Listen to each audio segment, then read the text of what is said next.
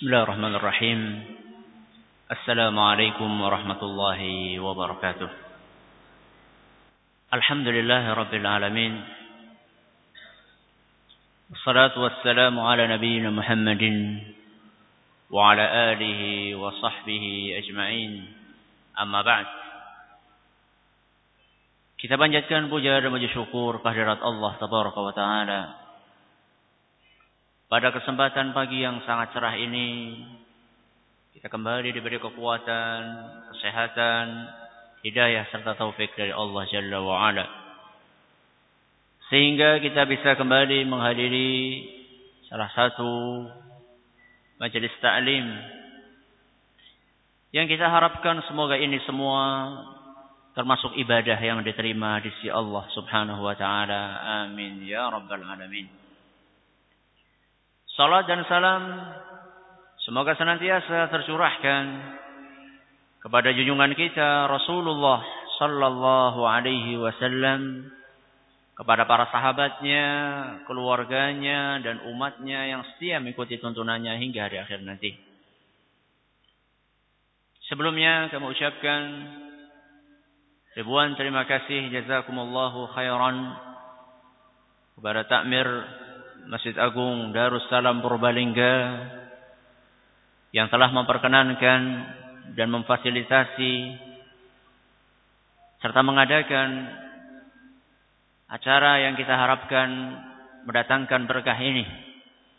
Semoga Allah Subhanahu wa taala berkenan untuk melimpahkan pahala yang berlipat ganda kepada seluruhnya yang turut mensukseskan acara ini. Para hadirin dan hadirat, segenap pendengar Radio Roja di Jakarta, Bandung dan sekitarnya. Materi pengajian kita pada kesempatan kali ini berjudul keajaiban seorang mukmin. Apakah mukmin itu memiliki keajaiban? Ajaib. Apakah betul seorang yang beriman memiliki karakter yang menakjubkan? Itulah yang akan kita bahas pada kesempatan kali ini. Seandainya memang betul pribadi orang yang beriman itu menakjubkan, di mana letak keajaibannya? Kita mulai dengan sebuah kisah yang terjadi pada tahun 104 Hijriah. Dan barangkali ada di antara jamaah sekalian yang pernah mendengar kisah ini. Atau sudah membaca kisah ini. Karena makalah ada di tangan panjenengan sekalian. kisah ini tentang seorang prajurit. Yang ditugaskan oleh raja untuk mengawasi daerah perbatasan negeri Irak. Tugas dia adalah memberitahukan kepada kerajaan manakala ada bahaya datang mengancam kerajaan. Maka dia ditugaskan di perbatasan. Manakala dia sedang bertugas, ketika dia sedang berpatroli. Ada sebuah pemandangan yang menarik perhatian dia.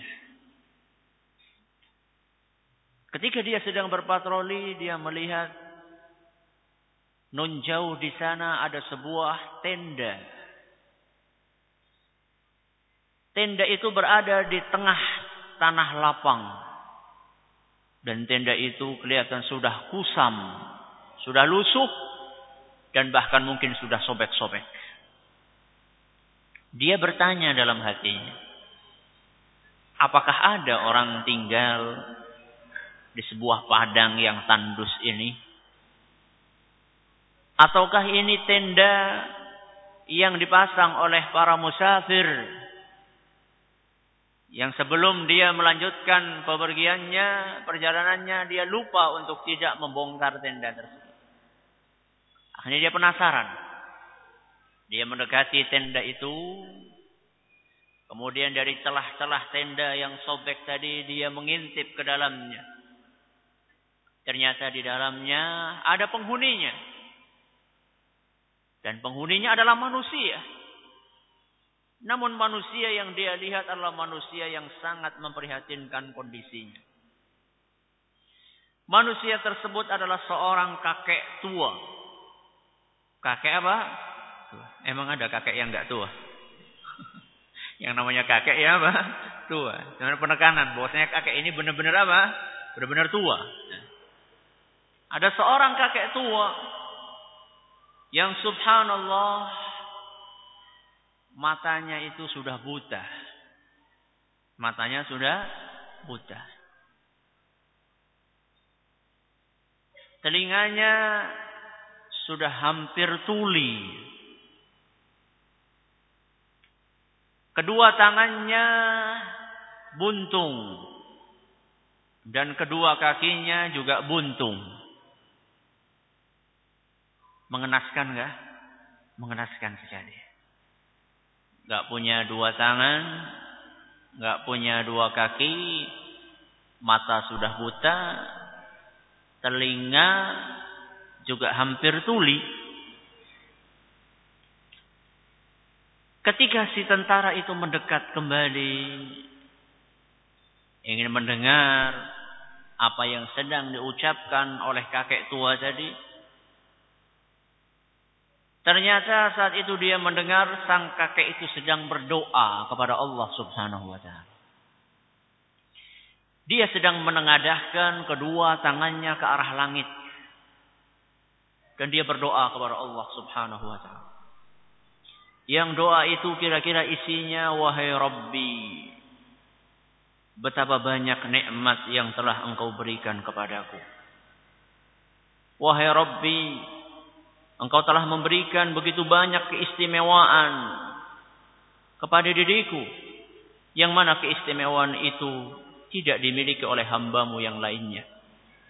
Wahai Rabbi, bantulah aku agar bisa senantiasa bersyukur kepadamu. Jadi isi doanya adalah minta supaya bisa apa? Bersyukur. Menurut panjenengan doa itu aneh apa enggak? Hah? Aneh. Aneh bin ajaib. Ada orang kakinya buntung, tangannya buntung, matanya buta, telinganya hampir tuli. Dia berdoa kepada Allah, wahai Rabbi nikmat yang engkau berikan kepadaku begitu banyak. Kata dia seperti itu. Dan engkau telah memberikan keistimewaan kepadaku yang tidak dimiliki oleh orang lain. Maka wahai Rabbi bantulah aku agar bisa bersyukur kepadamu. Prajurit tadi duduk termangu dia. Dia terheran-heran apa gerangan yang dimiliki oleh orang tua tadi. Apa gerangan kenikmatan yang dirasakan oleh orang tua tadi. Sampai dia itu minta kepada Allah agar dibantu bisa bersyukur. Maka prajurit tadi penasaran. Jangan-jangan ini orang punya harta karun mungkin ya. Apa kenikmatan yang bisa dilihat? Secara kasat mata nggak ada. Akhirnya dia mengucapkan salam assalamualaikum wahai kakek tua. Waalaikumsalam. Ya ada apa anak muda? Wahai kakek tua. Tadi ketika saya berada di samping tenda ini, saya mendengar engkau melantunkan doa yang menurut saya sangat aneh. Dan menurut saya doa yang panjenengan lantunkan itu tidak cocok dengan kondisi panjenengan saat ini. Loh, memang kenapa? Kata kakek tua tadi. Si prajurit itu mengatakan, apa kenikmatan yang engkau rasakan? Apa keistimewaan yang Allah berikan kepadamu? Padahal engkau seperti yang kami lihat. Keadaannya begitu mengenaskan. Kata kakek tua tersebut. Wahai pemuda. Sesungguhnya Allah telah memberikan karunia yang sangat besar kepadaku. andaikan Allah tabaraka wa taala mengirim halilintar untuk membakar tubuhku atau Allah subhanahu wa taala menenggelamkan diriku ke dalam sebuah lautan yang sangat dalam atau Allah tabaraka wa taala mengangkat gunung besar kemudian dijatuhkan ke atas tubuhku sampai hancur rebuk niscaya hal itu tidak menambah melainkan rasa syukurku kepada Allah Subhanahu wa taala. Mengapa? Karena Allah Subhanahu wa taala masih melimpahkan kepadaku sebuah nikmat yang tidak ternilai harganya yaitu apa lisan jadi walaupun sudah buta, sudah tuli, sudah buntung, masih ada satu anggota tubuh yang bisa dipakai. Apa itu? Lisan. Dengan lisan ini saya bisa membaca Al-Quran. Dengan lisan ini saya bisa berzikir kepada Allah subhanahu wa ta'ala. Dengan lisan ini saya bisa menasehati orang lain beramar ma'ruf nahi mungkar. Namun wahai pemuda, Alhamdulillah kamu datang ke tempat ini. Saya pengen bercerita. Bahwasanya sebagaimana yang kamu lihat saya ini nggak bisa ngapa-ngapain tanpa ada bantuan orang lain. Saya memiliki seorang putra semata wayang. Satu-satunya putra saya. Yang dia itu kalau saya pengen sholat maka putra saya lah yang mewudui diriku mengambilkan air wudhu, kemudian dia wudhui diriku. Ketika saya lapar, maka dialah yang menyuapi aku. Ketika saya haus, dia yang mengambilkan gelas, kemudian dia minumkan kepada diriku. Itulah anakku semata wayang. Namun wahai prajurit,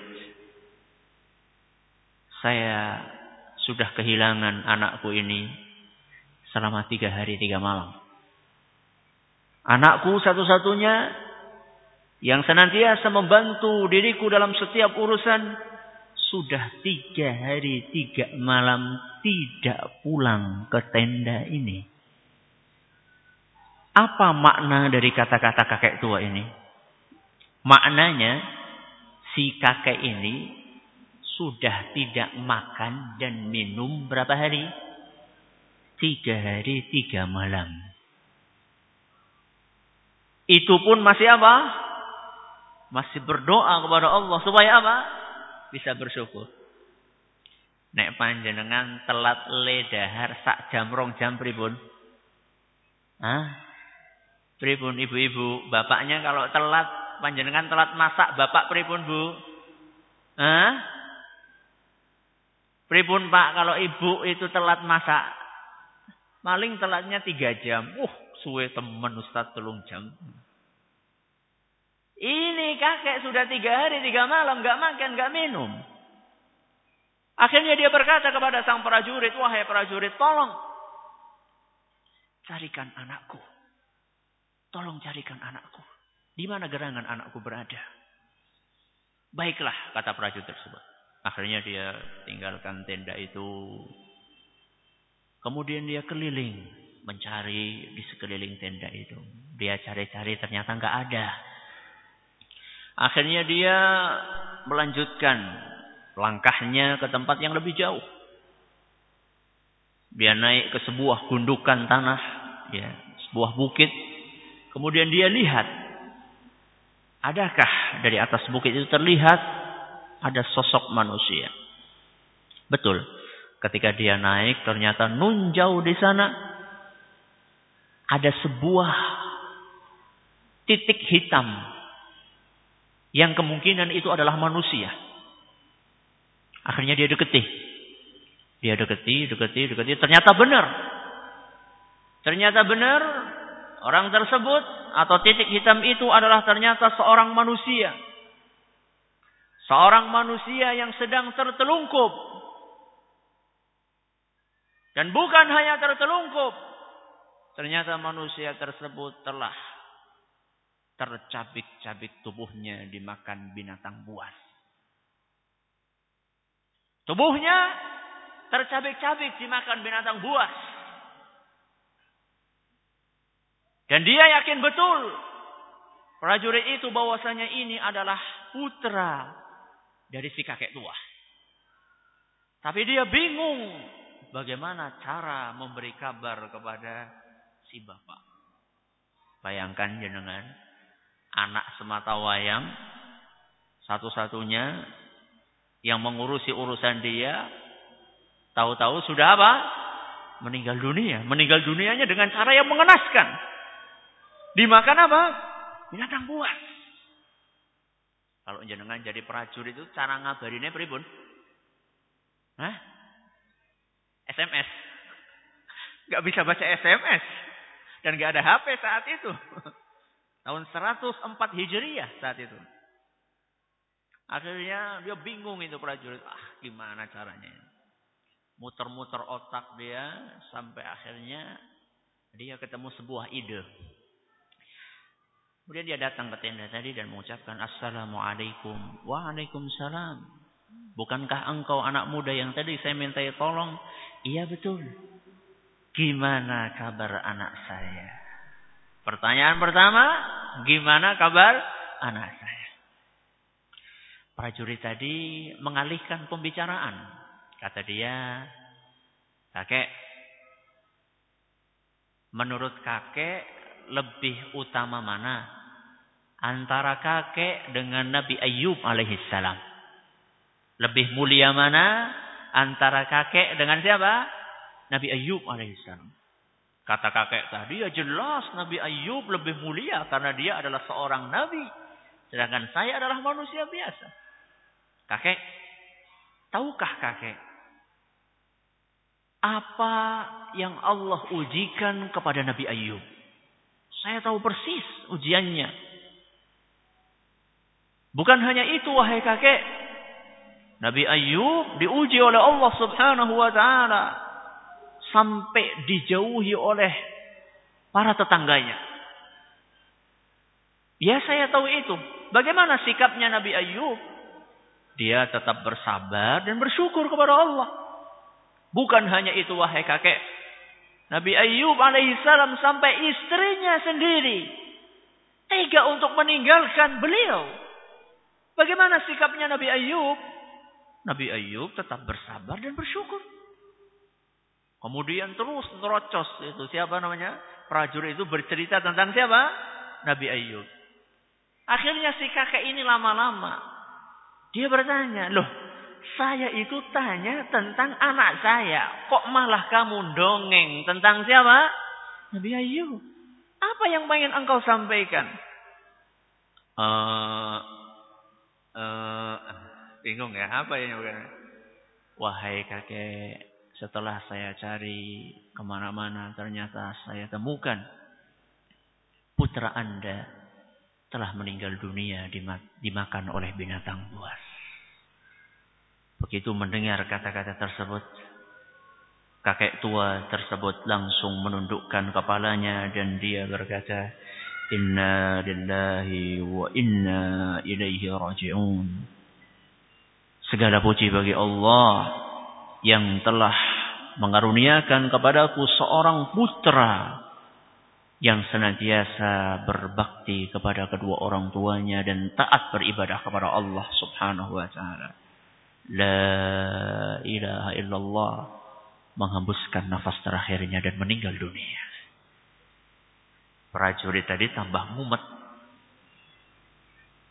Sekarang dia punya tugas menguburkan berapa orang? Dua orang sekaligus. Kalau tadi dia mikir menguburkan satu orang, sekarang apa? Dua orang. Akhirnya dia sendirian, dia kubur itu dua orang. Setelah dikubur, dia kembali ke pos penjagaan.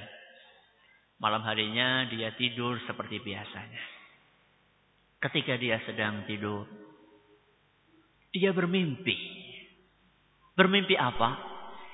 Dia bermimpi bertemu dengan kakek tua yang tadi dia temui siang hari. Tapi keadaannya sudah berubah sama sekali. Tangannya sudah utuh, kakinya sudah utuh, Wajahnya berseri-seri. Dan dia memakai dua helai kain sutra. Dan dia sedang berjalan-jalan di dalam taman surga. Si prajurit tadi terheran-heran. Wahai kakek tua. Apakah benar ini engkau yang tadi saya temui tadi siang? Ya betul. Sayalah yang engkau temui tadi siang dan sayalah yang engkau kubur tadi siang. Bagaimana kok kamu bisa sampai di sini? Bagaimana kok kamu bisa berjalan-jalan di taman surga? Kata kakek tua tersebut, "Wahai anak muda, saya bisa berjalan di dalam taman-taman surga ini karena saya berusaha untuk senantiasa bersyukur dan bersabar. Apa? Syukur dan apa? Sabar. Ini kisah seorang ulama hadis yang bernama Abu Qilabah Abdullah bin Zaid Al-Jarmi. Orang yang membaca kisah seperti ini sangat ajaib dan menakjubkan. Bagaimana mungkin seorang yang sudah cacat luar biasa, tiga hari tiga, tiga hari tiga malam dia tidak makan dan minum, masih bisa nopo? Masih bisa sabar, bahkan masih bisa nopo? Bersyukur kepada Allah subhanahu wa ta'ala. Luar biasa. Hanya itu yang bisa kita katakan menakjubkan dan masya Allah. Bandingkan dengan kondisi kebanyakan kaum muslimin pada zaman ini. Bahkan mungkin termasuk di dalamnya kita. Ketika kita dapat nikmat banyak. Lupa. Sama yang memberi apa? Nikmat. Ketika ditimpa musibah sedikit. Apa? Ngersulo. Ya. Itulah kondisi kita. Apakah seperti itu pribadi seorang mukmin? Apakah seperti itu karakter seorang yang beriman? Jawabannya tentunya bukan. Tapi kenyataan yang ada sebagaimana disebutkan sebagian ahli sejarah Arab sehingga saya Al-Amir Syakib Al-Arsalan Kata beliau, al-Islamu mahjubun bil muslimin. Islam itu tertutup dan terhalangi oleh tingkah polahnya siapa? Tingkah polahnya siapa? Kaum muslimin. Islam, keindahan ajaran Islam itu terhalang, gak bisa dilihat. Gara-gara siapa? Gara-gara nyong kali jenengan. Gara-gara kita. Kaum muslimin. Pernah diceritakan. Ada seorang Cina. Seorang Tionghoa yang masuk ke dalam agama Islam. Sebelum dia masuk Islam. Dia sangat takut dengan kaum muslimin. Sangat apa? Takut. Jadi kaum muslimin itu ibarat apa? Hah? Monster. Mengerikan. Ya. Arab ketemu rawani. Ya. Kenapa kok seperti itu? Pernah suatu kejadian ketika dia masih kafir, belum masuk ke dalam agama Islam. Dia naik becak. Ketika naik becak itu,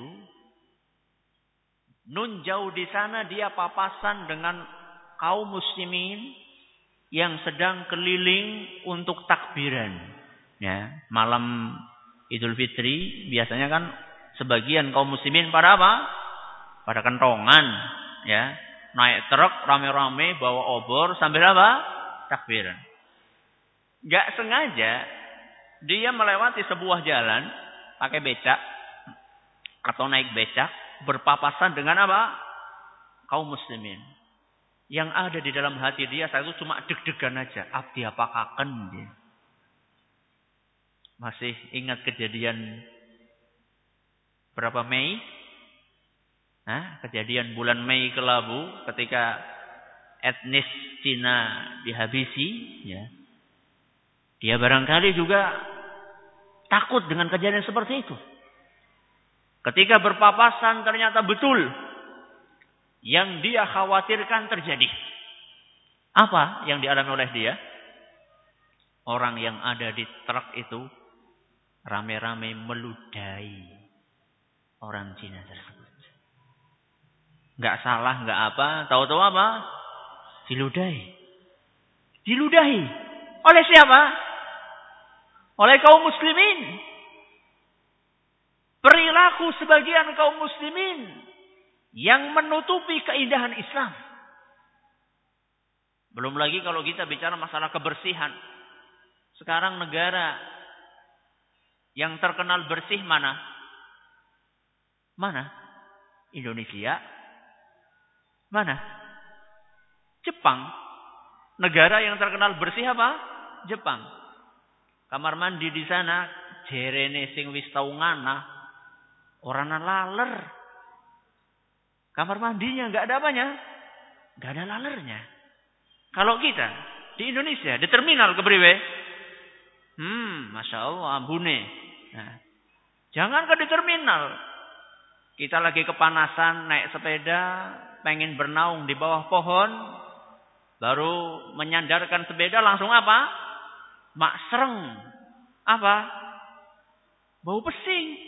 Nah, subhanallah.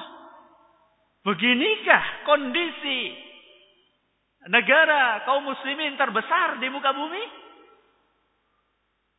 Al-Islamu mahjubun bil muslimin. Keindahan Islam tertutup karena perilakunya siapa? Kaum muslimin. Negara yang terkenal disiplin, nganterine rajin. Mana? Negara mana? Hah? Indonesia? Baru lampu merah, hijau, sebentar paling belakang wis apa? Din, din, din, din, din. Padahal dia tahu, dia di belakang itu nggak mungkin dapat apa? Dapat bisa lewat tuh nggak mungkin, karena masih apa? Masih jauh. Subhanallah. Begitulah ah, begitukah akhlak yang diajarkan oleh agama kita? Kepribadian yang bagaimanakah seharusnya seorang mukmin? Ini yang akan kita bahas. Seorang mukmin dia dituntut untuk memiliki kepribadian yang indah. Kepribadian yang memiliki pesona. Kepribadian yang menakjubkan. Nek di sawang niku nyenengaken. Ya. Ada enggak orang nek di sawang niku boten nyenengaken? Wonten apa mboten? Akeh. Wong nyawang udah seneng, tapi apa? Seneb. Nah. Ada nggak orang kayak gitu? Ada. Kalau diperiksa KTP-nya orang itu apa? Islam. Subhanallah. Orang Islam di sawang nyenebakan, bukan nyenengakan. Itu bukan karakternya seorang muslim. Apalagi seorang mukmin. Jamaah sekalian yang kami hormati. Kita hidup di dunia. Pasti akan mengalami kondisi di atas dan pasti akan mengalami kondisi di mana? Di bawah. Di dunia itu ada senang, ada apa? Susah. Ada sehat, ada sakit. Ada kaya, ada miskin. Ada kenyang, ada lapar. Apakah mungkin orang yang hidup di dunia waruk terus? Mungkin nggak? Nggak mungkin. Apakah mungkin kita hidup di dunia senang terus? Mungkin nggak? Nggak mungkin. Orang yang beriman dalam kondisi dia di atas maupun dia kondisi di bawah, dia senantiasa berada di dalam kebaikan. Karena Allah Subhanahu wa taala adanya ujian itu adalah ada maksud dan hikmah di baliknya. Kata Allah tabaraka wa taala dalam Al-Qur'an surat Al-Mulk ayat 2. Alladzi khalaqal mauta wal hayah. Allah Subhanahu wa taala menciptakan adanya hidup dan mati. Apa tujuannya? Liyabluwakum ayyukum ahsanu amala. Untuk menguji siapakah di antara kalian yang amalannya paling baik. Kata Imam At-Tabari maksudnya adalah untuk melihat siapa di antara kalian yang paling bersegera untuk mencari keridhaan Allah. Manakala dia susah, yang dipikir adalah apa yang harus saya lakukan supaya saya mendapatkan ridho Allah. Manakala dia senang, yang dipikirkan apa yang seharusnya saya lakukan sehingga saya bisa menggapai keridhaan Allah. Itulah orang-orang yang lulus dari ujian. Jadi orang yang beriman itu memiliki kata orang positive thinking. Ya. Berpikir yang baik-baik saja. Ketika dia dapat nikmat, dia balas kenikmatan itu dengan syukur kepada Allah Subhanahu wa taala. Dan ketika dia ditimpa musibah, dia sikapi itu dengan apa? Sabar. Syukur dan sabar. Itulah pangkal di antara sekian pangkal keajaiban akhlak seorang mukmin. Kata Nabi sallallahu alaihi wasallam, dalam sebuah hadis yang diriwayatkan oleh Imam Muslim, "Ajaban di amril mu'min." Nabi mengatakan, alangkah menakjubkannya kondisi orang yang beriman. Nabi berkata, ajaib. Orang yang beriman itu ajaib hidupnya. Kenapa? Inna amrahu kullahu khair. Kehidupan orang yang beriman seluruhnya itu baik dan indah. Kenapa wahai Nabi sallallahu alaihi wasallam? In asabathu sarra'u syakar. Ketika dia mendapatkan kenikmatan, dia bersyukur. Wa in asabathu dharra'u sabar. Dan ketika dia mendapatkan musibah, dia bersabar. Apa? Syukur dan apa? Sabar. Ini yang akan kita kupas insya Allah pada kesempatan kali ini. Pertama kita akan bahas masalah apa? Syukur. Banyak sekali ayat yang memerintahkan kita untuk bersyukur. Di antaranya firman Allah dalam surat An-Nahl ayat 114. Dan juga firman Allah subhanahu wa ta'ala dalam surat Ibrahim ayat 7. Makalah sudah ada di hadapan jamaah sekalian untuk menyingkat waktu. Maka bisa dibaca langsung di situ. Pertanyaannya, kenapa kita bersyukur? Kenapa kita bersyukur? Kenapa? Bersyukur akan menambah kenikmatan. Berarti tujuan jenengan kalau dapat gaji 13 syukur ben anak gaji 14 gitu. Ada jawaban yang lain? Kenapa kita bersyukur? Karena untuk menghindari dari azab Allah. Ada yang lain? Bagus. Ibadah. Alias mentaati perintah siapa? Perintah Allah. Jawaban yang pertama yang paling mudah. Kenapa disyukur? Karena disuruh. Oleh siapa? Oleh Allah. Nah, kenapa sholat? Karena disuruh oleh siapa? Oleh Allah. Mudah kan?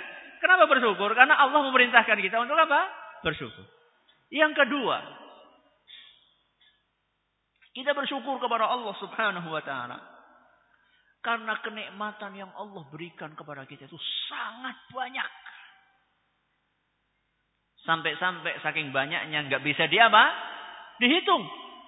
Sebagaimana yang Allah isyaratkan dalam Al-Quran surat An-Nahl ayat 18. Pernah ada seorang miskin. Datang kepada seorang ulama yang bernama Yunus bin Ubaid. Seorang miskin itu ngeluh. Pak Yunus, saya dari dulu kok miskin terus. Nggak pernah apa? Nggak pernah kaya. Ada nggak di sini yang dari dulu miskin, nggak kaya-kaya? Wonten apa buatan? Hah? Kok nggak ngaku ini? Semuanya kaya di sini. Iya. Ada orang miskin lama miskinnya. Mungkin dari warisan ya. Warisan dari siapa? Dari nenek moyangnya. Nenek moyangnya miskin, akhirnya dia dapat warisan. Warisannya warisan apa? Miskin. Ya. Warisan miskin. Dia miskin sekali.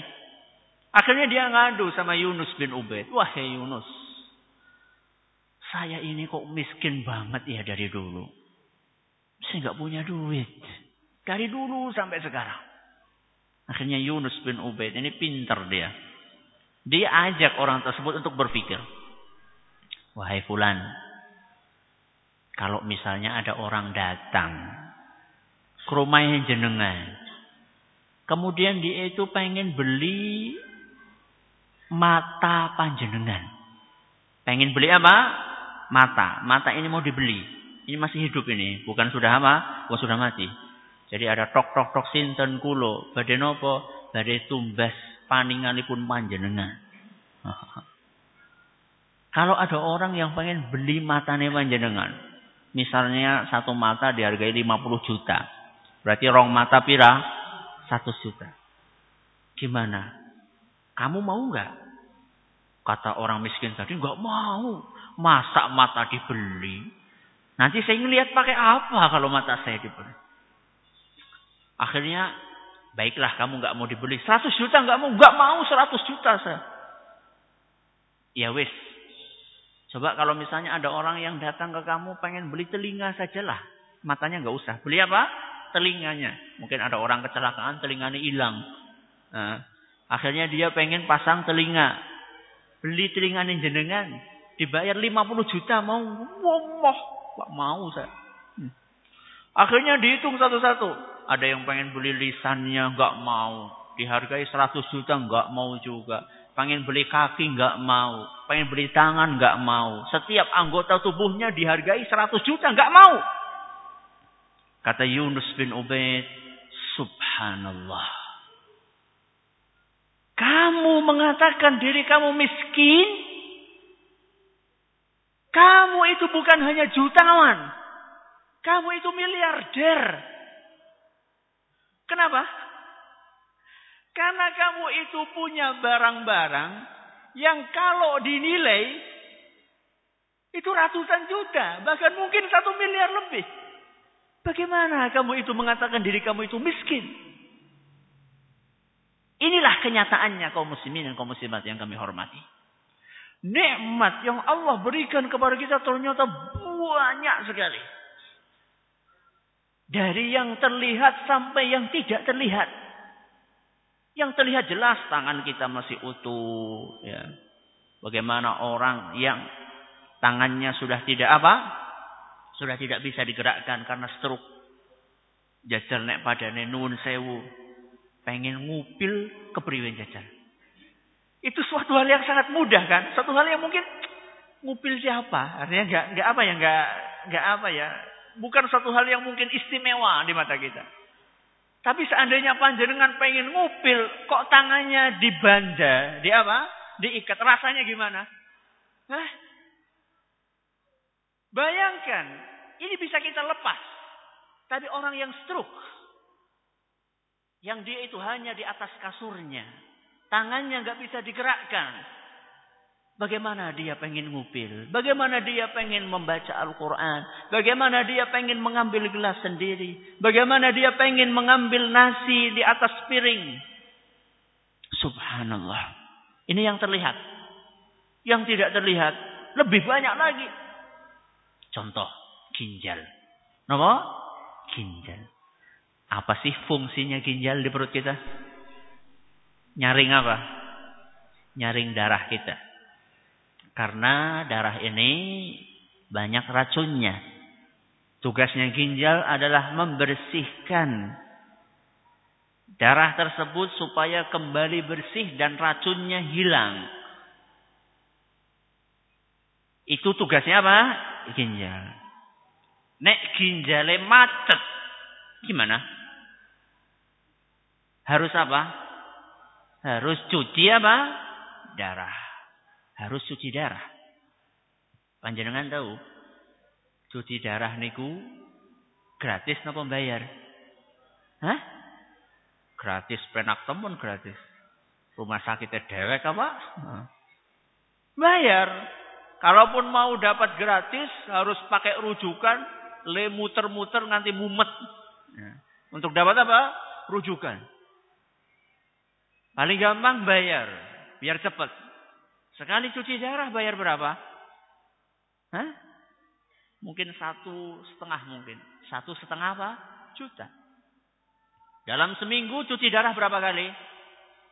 Minimal dua kali. Berarti minimal itu ya. Minimal. Bisa jadi tiga kali. Seandainya dua kali saja. Berarti satu minggu ngentong akan duit pirang. Telung juta. Sebulan. Hah? Setahun. Nek Arab urip limang tahun. Gimana? Subhanallah. Belum lagi kalau kita melihat bagaimana ginjal yang ada. Atau ginjal bikinan manusia tersebut. Gede bentuknya. Katanya orang yang pernah cuci darah. Saya nggak pernah. Alhamdulillah semoga enggak. Ya. Katanya orang yang cuci darah. Panjenengan itu suruh tiduran di atas kasur. Terlentang kemudian dimasukkan satu selang dari tangan kanan misalnya kemudian selang yang satunya dimasukkan ke tangan apa? Kiri. Kemudian daerah yang ada tubuh kita disedot lalu dicuci di dalam ginjal bikinan masuk manusia yang gede yang nggak bisa dibawa ke pasar. Nah biasanya kita harus datang ke situ dan prosesnya itu katanya sampai 5-6 jam. Duduk tiduran di situ. Darah disedot, dicuci, dimasukkan lagi. 5 sampai 6 jam.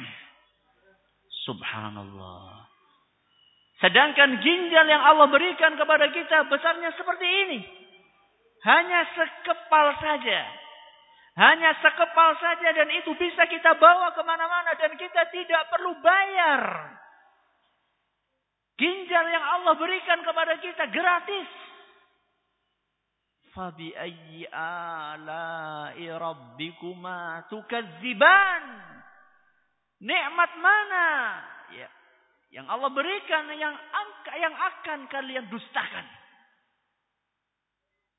Makanya kita bersyukur kepada Allah. Kenapa? Karena nikmat Allah yang Allah berikan kepada kita sangat banyak. Bagaimana caranya bersyukur Ustaz? Cara bersyukur sekurang-kurangnya ada tiga. Yang pertama syukur dengan hati. Yang kedua syukur dengan lisan. Yang ketiga syukur dengan praktek anggota tubuh kita. Yang pertama syukur dengan hati. Syukur dengan hati ini ku kepripun. Syukur dengan hati itu adalah dengan meyakini bahwasanya nikmat yang kita rasakan semuanya sumbernya dari siapa? Allah. Kita sudah praktek apa belum? Syukur tingkat pertama ini kita sudah praktek apa belum? Sampun apa dereng? Mungkin kelihatannya gampang ya, kelihatannya mudah, kelihatannya ringan. Tapi kalau kita lihat praktek masyarakat, masih banyak di antara mereka yang menisbatkan nikmat yang mereka rasakan kepada selain Allah. Contohnya nopo gampang. Usaha, bisnis, baru buka berhasil. Luar biasa. Keuntungannya berlipat ganda. Ketika dipuji sama temannya, Jan, akeh temen duite, berhasil temen bisnisnya, apa yang dia lakukan, yang dia ucapkan pertama kali? Sapa disit. Sarjana ekonomi. SE. Subhanallah. Ya. Nikmat yang diberikan Allah kepada dia pertama kali ketika ditanya. Dinisbatkan kepada siapa? Kepada dirinya sendiri. Contoh yang lain. Punya rumah besar sekali, gedung. Ya, besar sekali rumahnya. Ketika ada teman datang ke situ, kemudian terkagum-kagum dengan besarnya rumah. Dia bertanya, "Uh, gede teman ya Umay?" "Ya iya, keturunan ningrat." Nah, Sapa disit, wong tuaku kan pejabat. Mulane umaku gede. Subhanallah. Jadi pertama kali dia nisbatkan nikmat itu bukan kepada Allah. Termasuk contoh yang lebih memprihatinkan dari itu. Di sebagian masyarakat kita masih banyak orang-orang yang setelah panen padi di pojok-pojok sawah wonten nopo. Hah? Ada apa di pojok-pojok sawah setelah panen? Ada beras merah, ada kelapa hijau, ada apa lagi ya? Saya udah lupa itu. Hah? Anak rokok. Rokoknya apa? Malboro apa gudang garam? itu buat siapa itu? Hah? Buat siapa? Persembahan untuk Allah? Iya.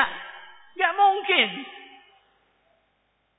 Itu diperuntukkan untuk yang memberi padi menurut mereka.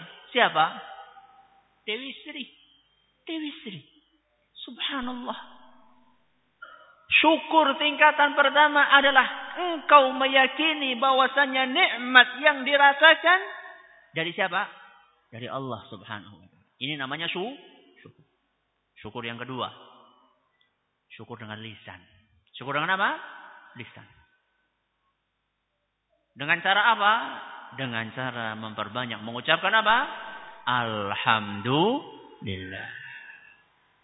Panenan berhasil. Ucapkan apa? Alhamdulillah. Anak lulus UMPTN. Ucapkan apa? Alhamdulillah. Punya cucu baru lahir. Alhamdulillah. Gaji 13 turun sebelum Ramadan. Apa? Alhamdulillah. Ketiban duren. Kalau jatuhnya di samping kita nggak apa-apa ya. Kalau jatuhnya di atas kepala kita. Mudah nama badan? Mudah nggak? Mudah. Semua orang bisa. Kalau syukur itu hanya alhamdulillah dengan lisan, semua orang bisa. Tapi nanti kita akan bahas syukur tingkatan ketiga. Yang jarang orang bisa melakukan. Termasuk syukur dengan lisan. Selain mengucapkan Alhamdulillah. Juga dengan menceritakan nikmat yang Allah berikan kepada kita. Kita ceritakan kepada orang lain. Dalilnya apa? Surat Ad-Duha ayat 11. Ayat terakhir. Sinten sing apal? Wa amma bi ni'mati rabbika fahaddits. Artinya ceritakanlah nikmat yang Allah berikan kepada kalian. Ini seharusnya. Idealnya seperti itu. Tapi kenyataannya gimana? Kenyataannya kalau dapat rezeki nomplok Begitu dapat rezeki langsung leh leh nduk nduk aja ana sing nganti cerita ya mbok pada ngutang ketika dapat nikmat ditutup rapat-rapat giliran susah apa ngorong-ngorong woro-woro subhanallah kebalik Seharusnya ketika dapat nikmat kita ceritakan kepada orang lain. Minimal kancane dewek melu bunga, minimal teman kita ikut apa? Ikut senang. Syukur-syukur apa? Dibageni. Makanya Nabi Shallallahu Alaihi Wasallam pernah bersabda, "Idza tabahtum maraqatan fa'aktsir ma'aha." Kalau kalian masak daging, perbanyaklah apanya? kuahnya. Wa ta'ahad bihi jiranaka. Kalau kuahnya sudah banyak, diapakan? Bagi-bagikan. Apa nih? Dudu esok. Iya. Lebih bagus. Lebih mending. Daripada kurban ini apa nih? Ambune. Wong se-RT kebagian mambu gule. Iki nang ndi ki sumbere iki? Kur kebagian apa? Ambune tok. Atau bakar sate. Orang satu RW mambu kabeh. Ki kangen di jane. Lebih mending orang yang bagi-bagi apa? Kuah. Syukur-syukur kalau baginya nggak cuma kuah. Nambah apa? Isine. Isine apa? Daging kur sekepel kepriwe Ustaz? Loh, yang pinter lah. Tambah apa? Tempe. Tambah apa? Tahu. Tambah apa? Cecek. Sehingga tetangga kita bisa merasakan gule apa? Gule tempe. Masih mending daripada orang yang apa? Yang orang-orang yang tidak mau berbagi dengan orang lain. Ini syukur dengan apa? Lisan. Syukur tingkatan yang ketiga yang paling berat. Syukur dengan apa? Dengan praktek. Dengan amalan tubuh kita. Kita bersyukur kepada Allah subhanahu wa ta'ala. Caranya bagaimana Ustaz? Caranya adalah dengan mempergunakan anggota tubuh ini untuk menjalankan ketaatan kepada Allah. Misalnya mata. Allah beri kita mata, kita gunakan untuk melihat hal-hal yang diridhoi oleh Allah Subhanahu wa taala. Jangan digunakan untuk melihat hal-hal yang diharamkan oleh Allah telinga kita. Diberi oleh Allah Subhanahu wa taala Subhanahu wa taala telinga, gunakan telinga ini untuk mendengarkan hal-hal yang diridhoi oleh Allah Subhanahu wa taala. Dan jangan digunakan untuk mendengarkan hal-hal yang dimurkai oleh Allah Subhanahu wa taala. Contohnya apa? Telinga ini cobalah Biarkanlah yang masuk ke telinga kita ini adalah suara-suara lantunan ayat suci apa? Al-Quran. Biarkanlah yang masuk ke dalam telinga kita ini adalah pengajian-pengajian, majelis ta'lim, majelis ta'lim. Biarkanlah yang masuk ke telinga kita inilah nasihat-nasihat yang disampaikan oleh para ulama, para ustadz, para dai. Masa seorang yang beragama Islam ketika dicek di rumahnya koleksi CD dan VCD-nya isinya apa? Huh? nek ora campur sari jeleng maning sijine lengger. Sijine maning cucak rowo. Masya Allah satu lagi diangkat rock satu lagi dangdutan. Satu lagi gendingan. Masya Allah kapan dia mendengarkan lantunan ayat suci Al-Quran? Ya dong dong Ustaz. Nek anak kematian Akhirnya Al-Quran itu identik dengan orang apa?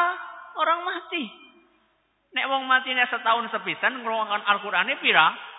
Setahun sepisan. Subhanallah. Ya. Apakah kita tidak bisa menjadikan hari-hari kita itu dipenuhi dengan lantunan ayat suci Al-Quran? Sebagai wujud syukur kita kepada Allah subhanahu wa ta'ala. Kita bersyukur Allah telah memberikan kita telinga. Mari kita gunakan untuk mendengar hal-hal yang diridhoi oleh Allah Subhanahu wa taala. Jauhkan telinga kita dari mendengar hal-hal yang dimurkai oleh Allah Tabaraka wa taala. Mata kita yang masih punya televisi di rumah ya, lebih sering mata ini digunakan untuk nonton TV apa nonton apa? Nah, apa membaca Al-Quran. Mata ini lebih sering digunakan untuk melihat acara televisi atau untuk melihat ayat-ayat suci Al-Quran. Hah? Ngaku? Hah? Lebih banyak mana? Separuh-separuh. Esi mending sing separuh-separuh nih. Ada orang yang sedina mut. Nah, kalau nggak main PS, nah, nonton TV, nih orang nonton TV main game. Kalau nggak seperti itu mungkin baca koran. Dia bisa duduk berjam-jam baca koran. Tapi nembe jagung limang menit maca Quran. Gimana? Apa? Sanggup. Baru lima menit. Dia bisa tahan baca koran selama berjam-jam. Masa baca Al-Quran lima menit dia sudah ngantuk? Mana wujud syukur kita kepada Allah subhanahu wa ta'ala. Termasuk kaki kita. Kaki kita ini harus kita syukuri. Cara syukurnya bagaimana? Langkahkan kaki kita ini kepada tempat-tempat yang diridhoi oleh Allah. Contohnya apa? Masjid. Terus? Hah? Majelis taklim. Terus? Enggak nih masa kur masjid kalau masjid taklim tok? Ke pasar. Iya. Ke pasar. Diridhoi Allah sama enggak? Hah? Ini bakul-bakul kok diam saja ini. Hah? Ke pasar diridhoi Allah sama enggak? Ya tergantung. Ke pasar harap nyopet apa harap dagang? kalau mau nyopet ya jelas dia apa? Diburkai oleh Allah. Tapi kalau mau ke pasar, tujuannya adalah untuk mencari nafkah demi memberi makan anak dan istri adalah ibadah. Ini adalah ibadah. Jadi panjenengan jangan malas-malesan dikira mencari nafkah bekerja itu bukan ibadah. Ketika kita mencari nafkah untuk anak dan istri kita, kata Nabi Wasallam ini dianggap sebagai bentuk sadaqah kata Nabi SAW. Ini kaki kita, tangan kita, dan seluruh anggota tubuh kita termasuk harta yang Allah berikan kepada kita. Ketika kita akan mengeluarkan harta kita, kita akan beli sesuatu, pikirkan. Apakah sesuatu itu diridhoi oleh Allah atau tidak? Jangan sampai kita itu hanya beli karena termotivasi tetangga yang beli. Misalnya, tuku TV sing paling gede sih pirang in. Yang paling besar sekarang TV berapa in? Hah? Berapa? 29. Apa iya? Ujarku wis ana home theater, ha? Sudah ada yang berapa? 50. Ya. Beli TV 50 in. Kenapa sih tuku TV 50 in? Wong tanggane betuku. Alasannya apa? Alasannya karena melihat tetangga beli. Sebelum kita mengeluarkan uang untuk beli sesuatu, pikirkan. Sesuatu itu diridhoi oleh Allah atau tidak. Atau justru sebaliknya, sesuatu itu akan mendatangkan kemurkaan dari siapa? Dari Allah subhanahu wa ta'ala. Jadi setiap keping duit yang kita keluarkan, itu akan kita pertanggungjawabkan di hadapan Allah Subhanahu wa taala. Mulane wong sing sugih telat le mlebu apa? Surga. Kenang apa? Hah? Takone akeh. Kata Nabi SAW, min aina tasabahu wa fima anfaqah. Setiap rupiah itu akan ditanyakan dari mana sumbernya dan untuk apa. Jadi ibarat debit dan apa? Kredit. Jadi masuk sumbernya dari mana? Kemudian keluar untuk apa? Mulane wong sugih telat sekian puluh ribu tahun sebelum orang miskin. Jadi orang yang miskin wis nang surga, Iki nembe timik, timik, timik, timik. Wong sugih nembe melebu. Kenapa? Kebanyakan pertanyaan. Gimana? Menjadi orang miskin apa orang kaya? Hah? Batak bae dari wong sugih? Hah? Ya tergantung. Kalau jadi orang miskin ya miskin yang bersabar. Jadi orang kaya ya orang kaya yang bersyukur. Ini syukur tingkatan ketiga. Susah enggak ini? Susah. Makanya Allah Subhanahu wa taala menyebutkan dalam Al-Qur'an surat Saba ayat 13. Surat Saba ayat 13 Allah Subhanahu wa taala berfirman, "Wa qalilun min ibadiyasy syakur." Kata Allah Subhanahu wa taala, sedikit sekali di antara hambaku yang bersyukur. Tentunya bukan syukur dengan lisan. Kalau syukur dengan lisan banyak. Tapi sedikit hamba yang bersyukur maksudnya adalah syukur dengan apa? Dengan amalan atau dengan praktek. Ini adalah cara apa? Bersyukur. Berikutnya, bagaimana supaya kita bisa menjadi hamba yang bersyukur? Apa kiatnya? Di antara kiat, yang pertama adalah meminta tolong kepada siapa? Kepada Allah. Dan ini diajarkan oleh Nabi kita Muhammad sallallahu alaihi wasallam kepada sahabat beliau Muad bin Jabal. Kata Nabi sallallahu alaihi wasallam, "Usika ya Muad, aku mewasiatkan kepadamu wahai Muad, la tad'anna fi duburi kulli salah." Jangan sampai engkau lupa wahai Muhammad. Setiap akhir salat untuk membaca doa Allahumma a'inni ala dzikrika wa syukrika wa husni ibadatik. Artinya apa? Wahai Rabbi, tolonglah aku supaya aku bisa zikrika. Nopo? zikir. Syukri kan apa? Syukur. Husni ibadatik apa? Beribadah dengan baik. Ini resep yang pertama. Harus apa? Minta tolong kepada siapa? Allah. Yang kedua. Membandingkan kenikmatan duniawi kita dengan orang yang ada di bawah kita. Kalau panjenengan pengen jadi orang sing gampang syukur, kalau dalam perkara duniawi itu jangan melihat orang yang di atas kita. Contoh. Kalau kita punya rumah gedek. Rumah terbuat dari gedek. Kalau kita pengen bersyukur. Jangan melihat orang yang rumahnya apa? Gedung. Wong umay gedek dibandingkan dengan umay apa? Presiden. Gak bisa syukur. Terus dibandingkan sama siapa Ustaz? Dibandingkan orang yang tidak punya rumah.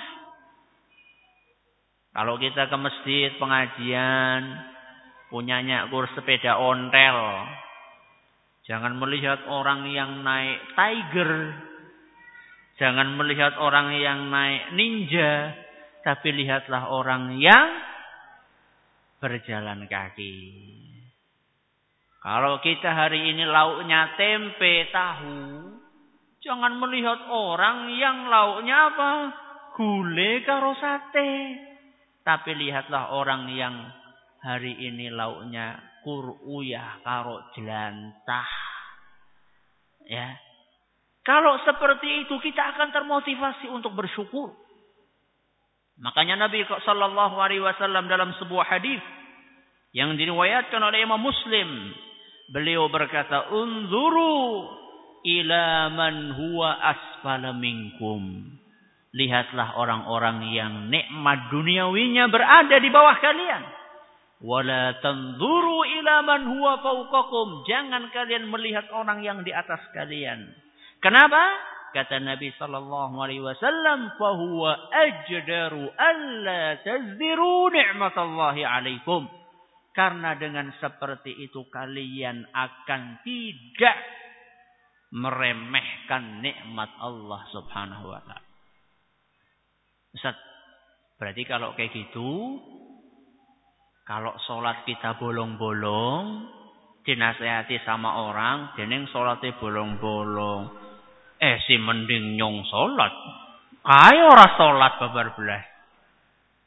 Melihat orang yang di bawah kita. Ini benar gak? Kenapa? Kenapa nggak benar? Hah? Karena ini bukan masalah dunia, duniawi, masalah ibadah. Kalau masalah ibadah kita jangan ngelihat orang yang apa? Yang di bawah kita. Nah kayak gue ya orang maju-maju. Ya. Sholatnya si bolong-bolong dan nasihati. Dan yang sholatnya bolong-bolong. Eh si mending nyong. Ayo tanggaku atau sholat. Nah. Kalau masalah ibadah, lihat orang yang di atas kita.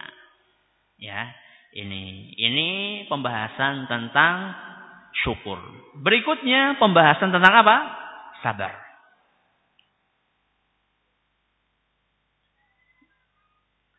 Banyak sekali ayat atau hadis yang memerintahkan kita untuk bersabar.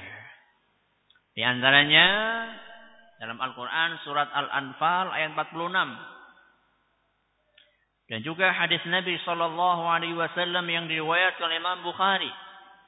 Kata Nabi Sallallahu Alaihi Wasallam, "Wa ma u'tiya ahadun." Nabi Sallallahu Alaihi Wasallam tidak ada karunia yang lebih baik dan lebih luas dibandingkan kesabaran. Jadi kalau menilik hadis ini, sabar itu adalah merupakan karunia yang paling besar. Cuman ketika bicara masalah sabar, kebanyakan orang itu memahaminya separuh-separuh, ya, nggak sempurna memahaminya. Dia itu kalau bicara sabar, pemahamannya sabar ketika ditimpa apa? Musibah. Jadi nek anaknya meninggal sabar, nek lagi sakit sabar, panene panen wereng apa? Sabar. Jadi sabar itu dikonotasikan, diimagekan dengan sesuatu yang berkaitan dengan musibah. Padahal sabar itu lebih luas. Sabar itu nggak cuma itu. Sabar itu memiliki bentuk-bentuk. Ini pembahasan berikutnya. Yang pertama, sabar ketika menjalankan ketaatan kepada siapa? Kepada Allah. Yang namanya ibadah itu memang secara asal mengekang kita. Ya, secara asal itu mengikat kita. Contoh, lagi enak-enak panjenengan sare, lagi enak sare ketika subuh kok ujuk-ujuk nopo? Azan. Secara syahwat, secara hawa nafsu, enak mana? Hah? Enak mana? tidur, semakin merapatkan selimut, atau lebih enak kita bangkit, kemudian kita berwudu. Lebih enak mana? Tidur. Makanya kebanyakan lebih milih apa? Tidur. Ya. Yang namanya ketaatan membutuhkan kesabaran. Contoh yang lain. Kita punya duit banyak. Lebih enak mana? Dikeluarkan sebagian untuk diberikan kepada orang miskin. Atau kita gunakan duit itu semuanya untuk kita. Lebih enak mana? Untuk diri sendiri. Wah, penak temen nyong sing kesel kayak sing mangan. Alasan sebagian orang ya. Ketika bekerja membanting tulang. Sudah terkumpul duit banyak. Dia berpikir Siapa sih wong kere penak temen nyong sing kesel karena sing kepenak. Subhanallah. Ada lagi orang yang mau berhaji. ONH sekarang berapa? Berapa? 30 atau 31 juta. 31 juta. Mendingan kok ngapa? Mendingan buat apa?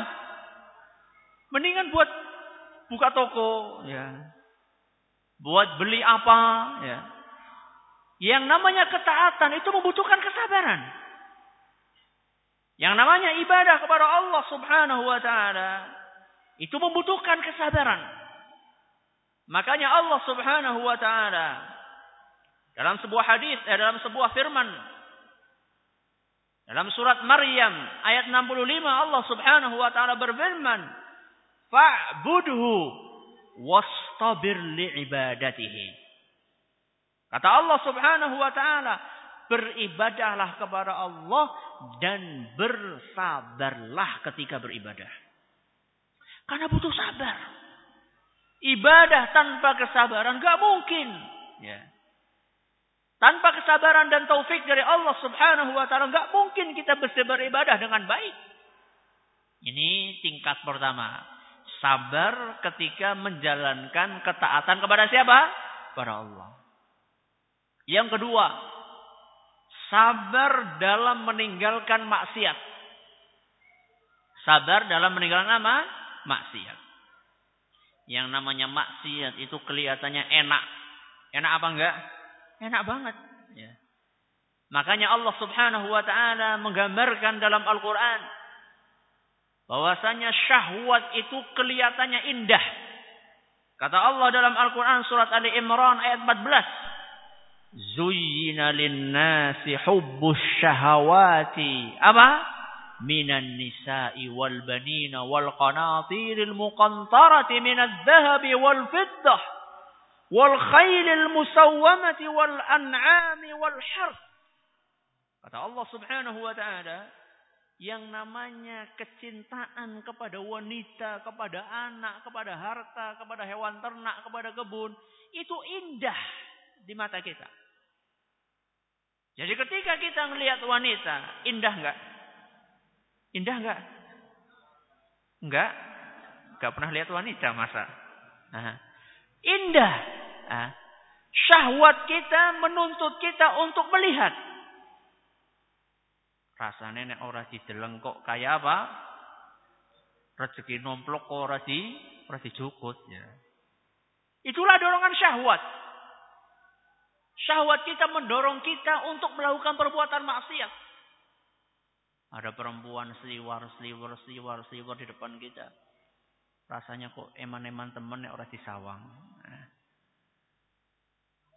Orang balen-balen dengan pikiran wah ini kalau misalnya nggak dilihat nanti ini bisa jadi nggak terulang kesempatan kesempatan emas ini ya atau ketika kita sedang bertandang bertamu di rumah teman kita teman akrab kita kemudian di situ banyak koleksi VCD VCD yuk nonton yuk aduh ya nonton apa ora ya nah.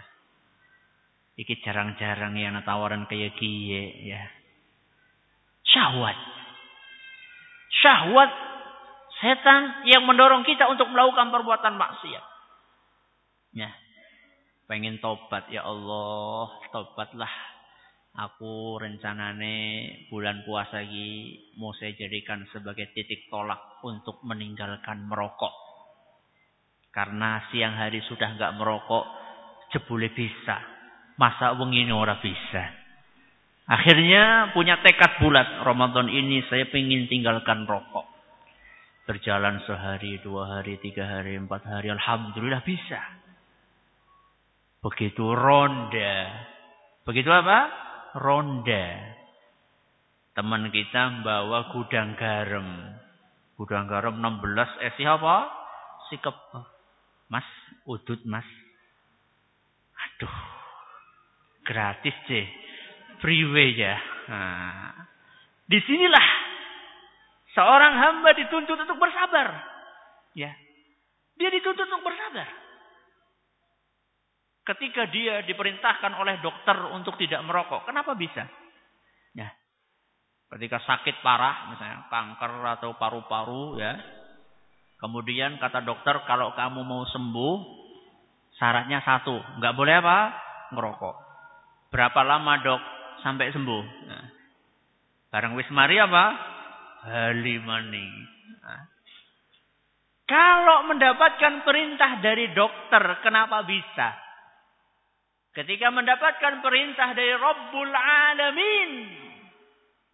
Dan dari Sayyidul Mursalin. Nabi kita Muhammad Sallallahu Alaihi Wasallam. Kenapa tidak bisa? Itulah yang namanya kesabaran. Itulah yang namanya apa? Kesabaran. Meninggalkan maksiat itu butuh sabar.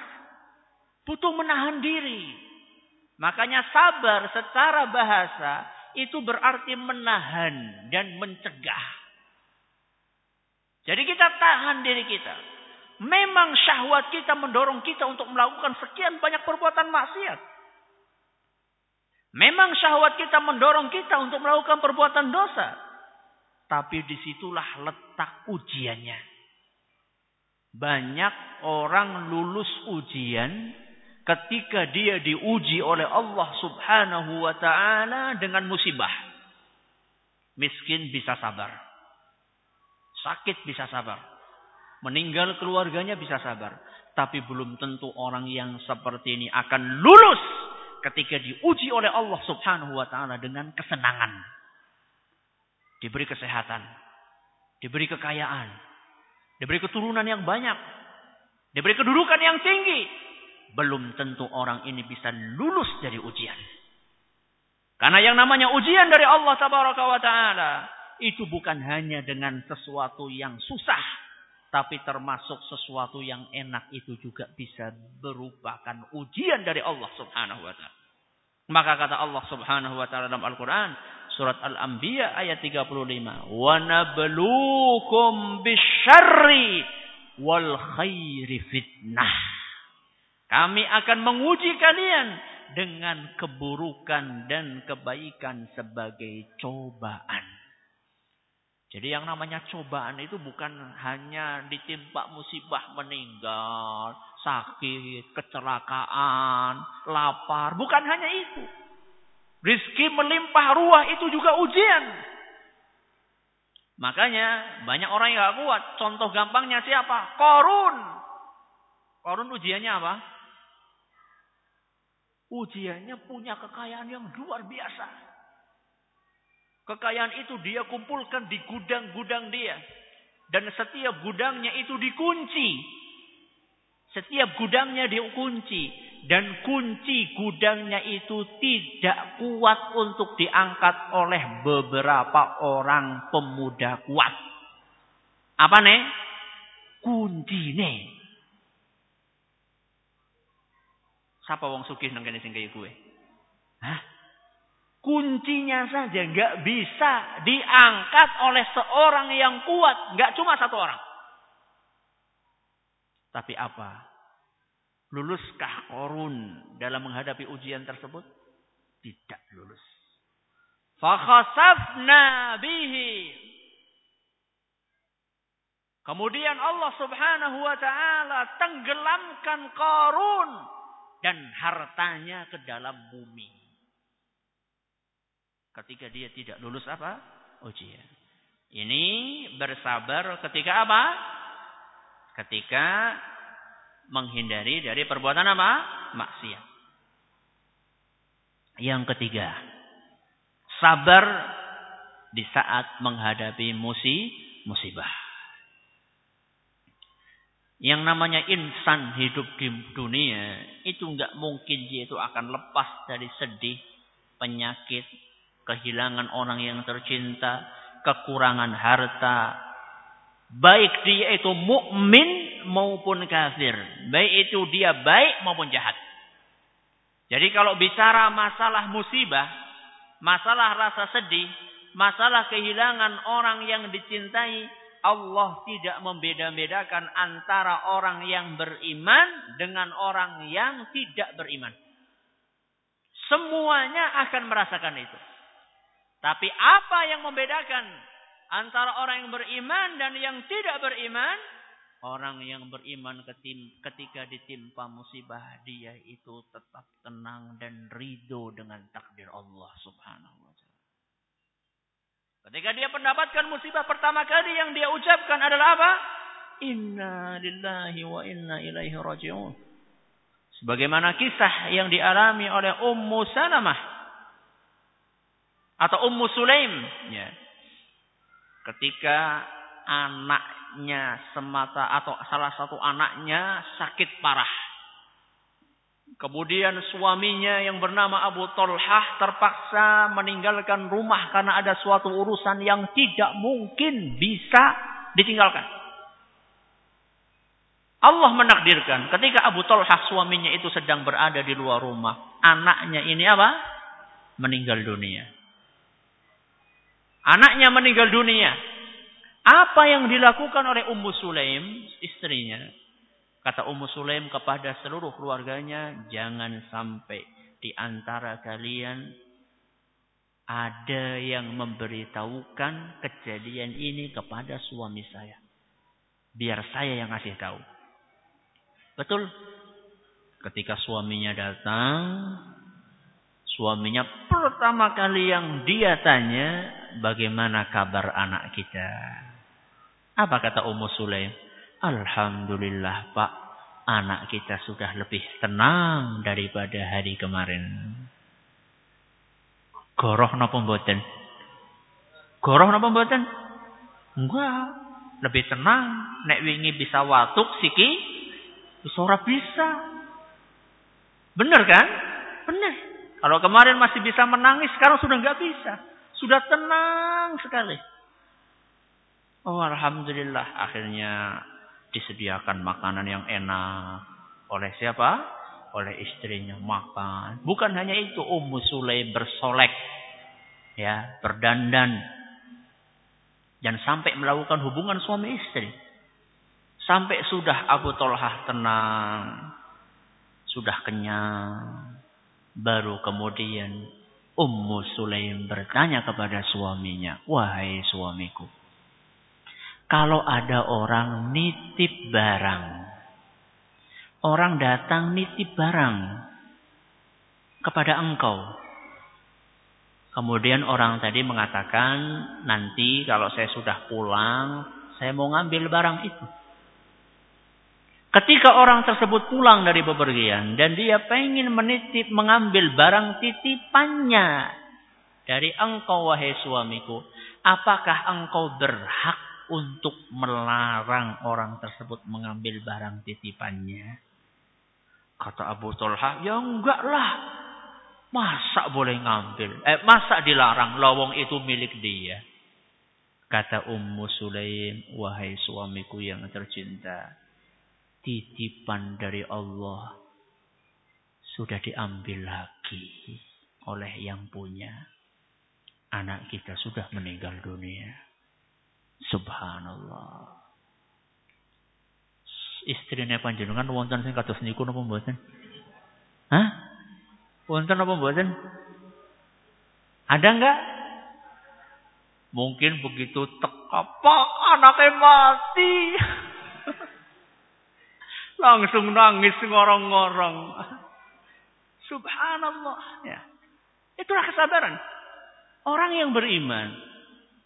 Ketika dia ditimpa musibah. Dia akan bersabar dan hatinya tetap tenang. Kenapa? Karena dia yakin. Bahwasanya musibah itu adalah sesuatu yang sudah digariskan oleh Allah subhanahu wa ta'ala.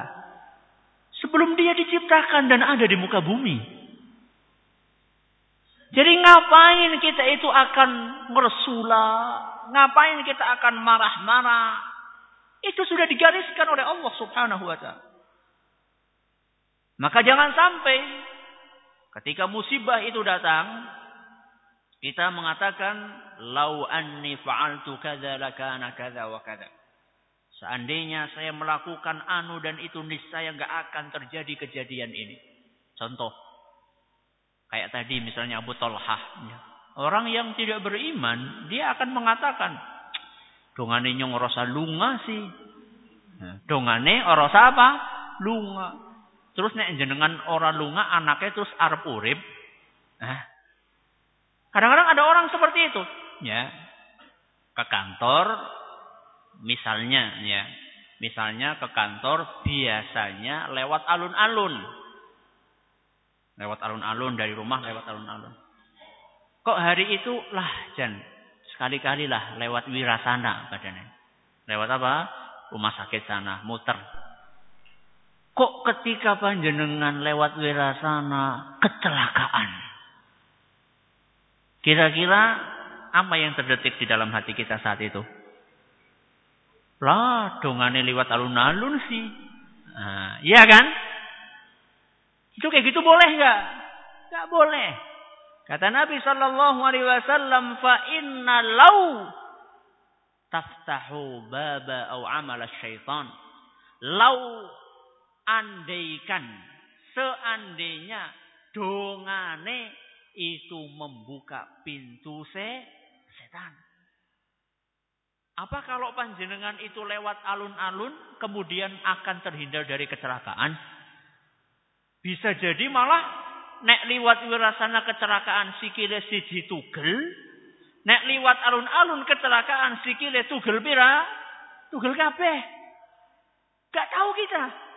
Allah Subhanahu wa taala mungkin hindarkan kita dari musibah yang lebih berat sehingga kita ditimpa dengan musibah yang lebih apa? Ringan. Makanya orang yang beriman ketika dia ditimpa musibah, dia tetap tenang. Dia tetap segar. Kenapa? Karena setiap musibah yang ditimpakan kepada seorang hamba sesungguhnya ada hikmah yang baik di balik itu semua. Kata Nabi Shallallahu Alaihi Wasallam dalam sebuah hadis yang diriwayatkan oleh Imam Ahmad dan hadis ini dinilai sahih oleh Imam Ibn Hibban dan Syekh Al Albani. Kata Nabi sallallahu alaihi wasallam, "Inna Allah la yaqdi lil mu'mini qada'an illa kana khairan lah." Sesungguhnya Allah Subhanahu wa taala tidak akan menakdirkan sesuatu bagi seorang mukmin melainkan sesuatu itu baik untuk dia. Sesungguhnya Allah tidak menakdirkan sesuatu bagi orang mukmin melainkan sesuatu itu pasti apa? Baik. Ustaz, saya ini sudah tua. Ya orang tua banget sih. Tapi ya perjaka tapi perjaka wis apa? perjaka apa istilahnya? Kalau ada perawan tua ini ada istilah perjaka apa? Bujangan, bujangan apa? Bujangan lapuk ya. Ustadz, apa ini bagian takdir dari Allah Subhanahu wa taala? Kita katakan bisa jadi. Ya. Bisa jadi ini takdir dari Allah. Kenapa Ustaz? Ada hikmahnya. Oh, kalau mau dicari banyak hikmahnya. Mungkin panjenengan itu memang belum pantas untuk nikah. Karena mendidik diri sendiri saja belum bi bisa. Buktinya apa? Buktinya konsolat besi angel. Itu hikmahnya. Jadi ketika kita ditimpa sesuatu yang nggak enak sama Allah Subhanahu wa taala, coba lihat, mungkin sumbernya dari kita. Kalau kita nikah, nanti istrinya mau di Om dia sholat sendiri saja belum bisa, belum bisa rutin. Nanti sudah punya istri, punya anak, gimana anak-anak dan istri panjenengan? Ya. Mungkin ketika kita buka usaha, ternyata Allah Subhanahu wa taala menakdirkan usaha kita bangkrut, krut, habis tuh. Apa ini ada hikmahnya Ustaz? Oh ada. Mungkin kalau misalnya Anda itu sukses, Anda itu akan sombong. Saking akeh duite, jadi orang sempat sholat. Unggal dina sing dihitung receh, soalnya receh akeh banget. Jadi orang sempat apa? Sholat. Tapi ketika Anda ditimpa musibah, Anda duduk terpekur. Kemudian Anda mulai introspeksi diri. Mulai mendekatkan diri kepada Allah subhanahu wa ta'ala. Itulah hikmahnya. Maka dalam Al-Quran Allah subhanahu wa ta'ala berfirman. Asa an takrahu syai'an wa huwa khairun lakum. Bisa jadi kalian membenci sesuatu padahal sesuatu itu adalah baik buat kalian. Kebalikannya wa'asa an tuhibbu syai'an wa huwa syarrun lakum. Bisa jadi kalian mencintai sesuatu padahal sesuatu itu sebenarnya buruk untuk kalian. Bagaimana Ustaz biar bisa sabar? Ini secara ringkas saja ya. Karena sudah ada di hadapan jamaah sekalian.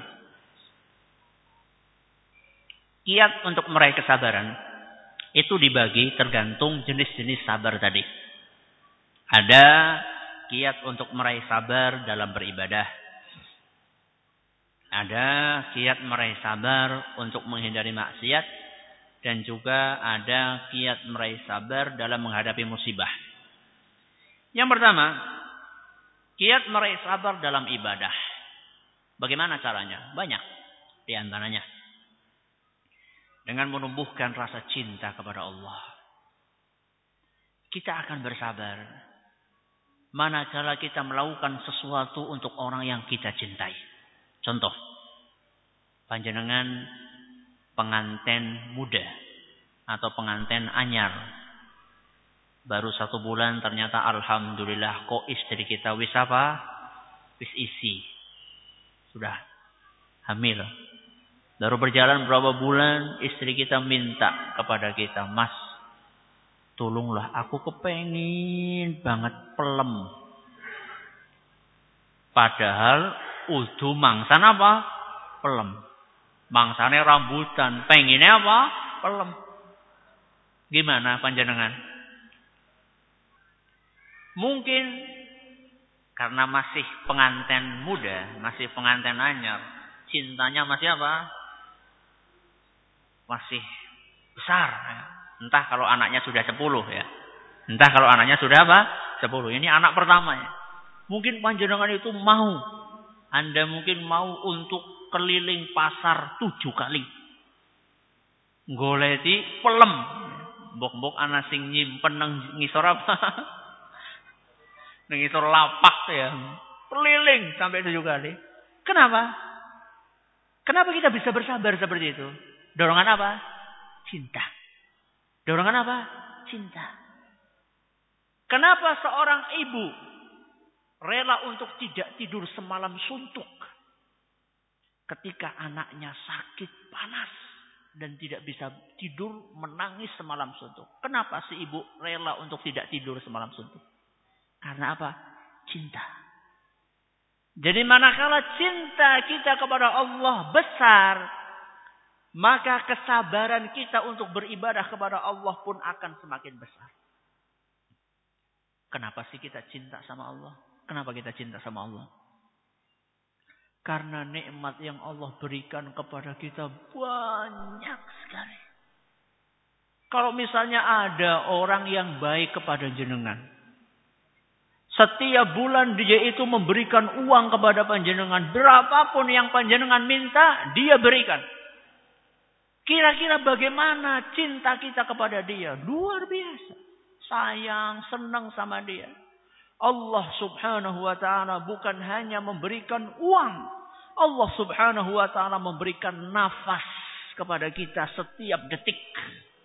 Allah subhanahu wa ta'ala memberikan kenikmatan kepada kita setiap saat. Allah subhanahu wa ta'ala memberikan keturunan, kesehatan, kekayaan kepada kita yang melimpah ruah. Apa kita tidak cinta sama Allah subhanahu wa ta'ala? Ketika kita memperbesar kecintaan kepada Allah, maka kesabaran kita untuk beribadah pun akan semakin kokoh. Di antara kiat yang lainnya, adalah mujahadah. Mujahadatun nafs. Apa maksudnya? Maksudnya adalah berusaha membiasakan diri untuk bersabar. Kalau ada orang pengen bisa lari 10 kilo, apa bisa hari pertama langsung lari 10 kilo? Bisa nggak? Bisa. Butuh apa? Butuh latihan. Hari pertama sekilo. Sekilo bewis apa? wis ngos-ngosan. Hari kedua mungkin masih sekilo. Tapi minggu kedua, minggu ketiga selalu bertambah. Itulah yang namanya mujahadah. Membiasakan diri, melatih diri untuk bersabar. Dan masih banyak yang lainnya. Ini kiat untuk meraih kesabaran dalam apa? Beribadah. Kiat meraih kesabaran dalam menghindari maksiat. Yang pertama adalah malu. Merasa malu kepada siapa? Kepada Allah. Pernah ada seorang mantan preman. Dia taubat. Ketika dia ngaji sama seorang ustadz. Mantan preman itu bilang sama ustadznya, Ustadz, saya mau minta izin. Mau izin apa? Saya mau ngerokok ustadz. Izin apa? Ngerokok. Jadi karena dia itu belum bisa meninggalkan ngerokok, akhirnya dia ketemu ustadznya minta apa? Minta izin. Izin apa? Ngerokok. Kata ustadznya, iya nggak apa-apa. Kamu ngerokok. Tapi silakan merokoklah kamu di tempat yang tidak dilihat oleh Allah. Merokoklah di mana? Di tempat yang apa? Yang tidak bisa dilihat sama siapa? Sama Allah. Ke mana dia? Hah? Ke mana? Masuk ke WC dia. Masuk ke mana? Ke WC. Dia pikir di WC itu nggak dilihat sama siapa? Sama Allah. Di mana pun Allah melihat kita. Kalau misalnya jamaah sekalian melakukan perbuatan maksiat. Kok konangan kelihatan sama orang yang panjenengan hormati. Misalnya panjenengan menghormati ustadz menghormati kiai. Tengah-tengah main PS, tengah-tengah enak-enak main game, kok kewenangan loh mas, ini lagi nenggene. Malu nggak? Malu sekali. Padahal siapa yang melihat? Manusia biasa. Yang melihat kita itu bukan manusia biasa. Yang melihat kita adalah Rabbul Alamin. Makanya nasihatnya ulama, la taj'alillaha ahwanan nadhirina ilaik. Janganlah kalian jadikan penglihatan Allah adalah sesuatu yang paling remeh di mata kalian. Banyak orang yang kalau dilihat orang lain itu merasa malu. Tapi kalau dilihat oleh Allah, dia nggak malu. Itu namanya kita meremehkan pengawasan dan penglihatan Allah subhanahu wa ta'ala. Masih banyak yang lainnya silahkan bisa dibaca di makalah. Ya. Kemudian di antara kiat meraih kesabaran dalam menghadapi musibah adalah mengetahui pahala sabar dalam menghadapi musibah musibah. Sabar itu kata sebagian penyair, as-sabru kas-sabir. Sabar itu pahit. Seperti apa ya? Buah yang pahit itu apa? Brotowali. Nah, sabar itu pahit kayak brotowali. Murrun fi madzaqatihi. Rasanya apa? pahit. Walakin awaqibuhu ahla minal asali. Tapi buahnya itu lebih manis daripada apa? Daripada madu. Ya, kalau kita ditimpa musibah, pahit memang. Ketika bersabar pahit, tapi buahnya luar biasa. Kata Nabi Shallallahu Alaihi Wasallam, "Ma yusibul muslima min nasabin wala wasabin wala hammin wala ada. Tidaklah seorang muslim ditimpa musibah apa pun bentuknya. Entah itu rasa sedih, sakit, ataupun apa juga, apa pun juga. Hatta syaukata yushakuha. Sekalipun musibah itu bentuknya hanya sebuah duri yang menancap di tubuh kita. Jangan lagi babati apa? Suket kok mak kok Kenapa? Kena duri. Kata Nabi Shallallahu Alaihi Wasallam, illa kafarallahu biha min khataya.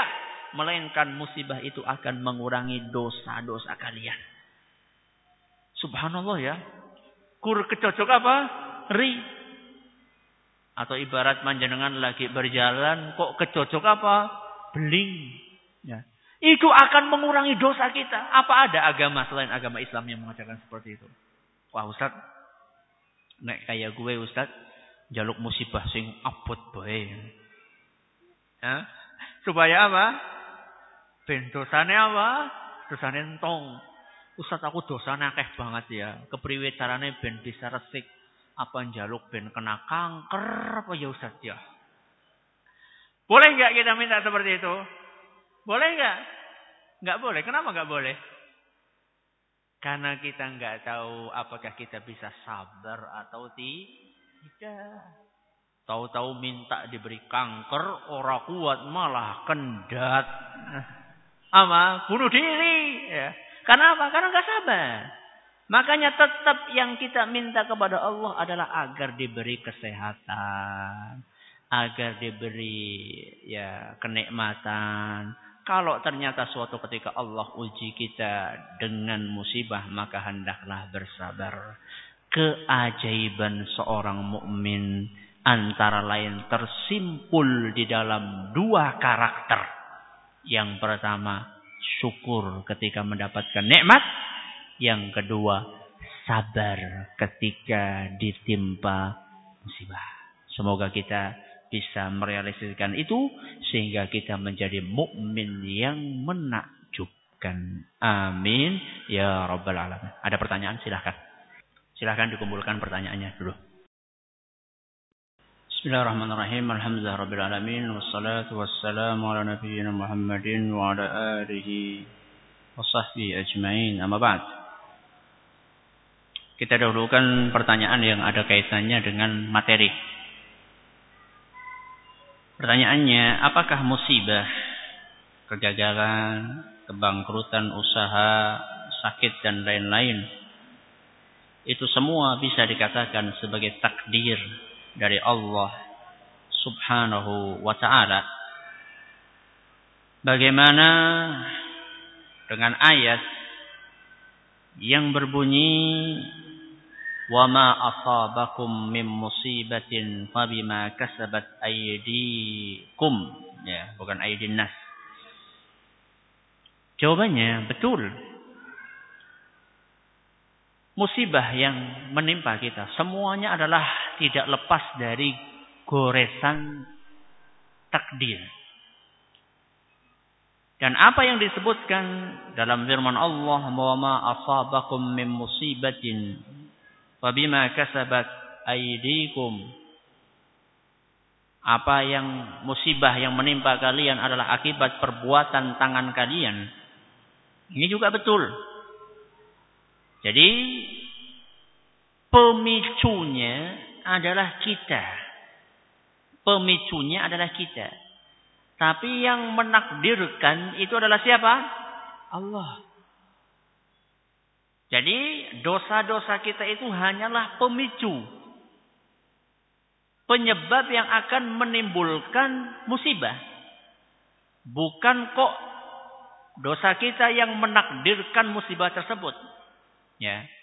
Itu semua tetap bagian dari takdir Allah. Cuman yang menyebabkan munculnya takdir tersebut adalah karena dosa-dosa yang kita lakukan. Tolong Ustaz syair tentang sabar yang tadi dibacakan pelan-pelan saya ingin menghafal. Kalau saya bacakan pelan-pelan langsung hafal ya. As-sabru kas-sabiri. As-sabru kas-sabiri. Sabar itu bagaikan buah pohon yang pahit. Nggak tahu kalau di Indonesia brotowali ya kita terjemahkan brotowali yang nggak apa-apa. Sabar itu bagaikan brotowali. Murrun fi mazaqatihi. Pahit rasanya. Pahit rasanya. Walakin awaqibuhu ahla minal asali. Namun buahnya lebih manis daripada apa? Daripada madu.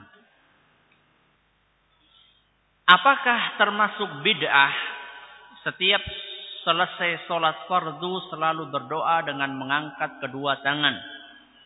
Karena kita merasa butuh dengan Allah. Sedangkan orang yang berdoa tersebut berkeyakinan bahwa berdoa setelah sholat fardu bukan termasuk rangkaian ibadah sholat dan berdoanya dilakukan sendiri tidak secara berjamaah. Boleh berdoa setelah sholat fardu boleh. Ya.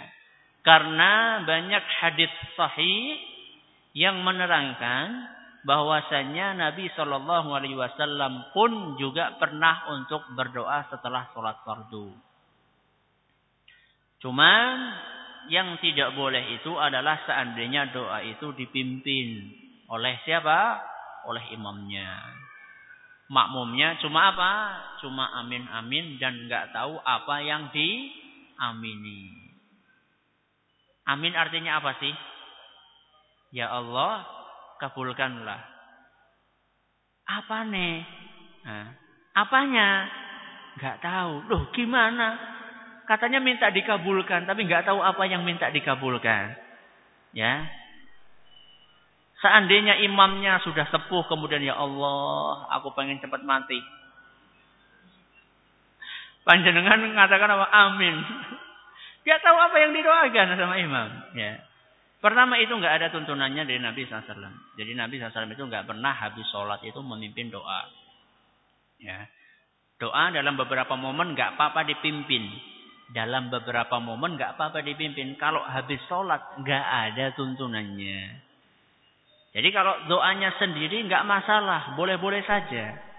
Cuman kalau panjenengan tanya mana yang lebih utama antara doa sesudah sholat atau di dalam sholat, maka saya akan katakan lebih utama doa di dalam apa?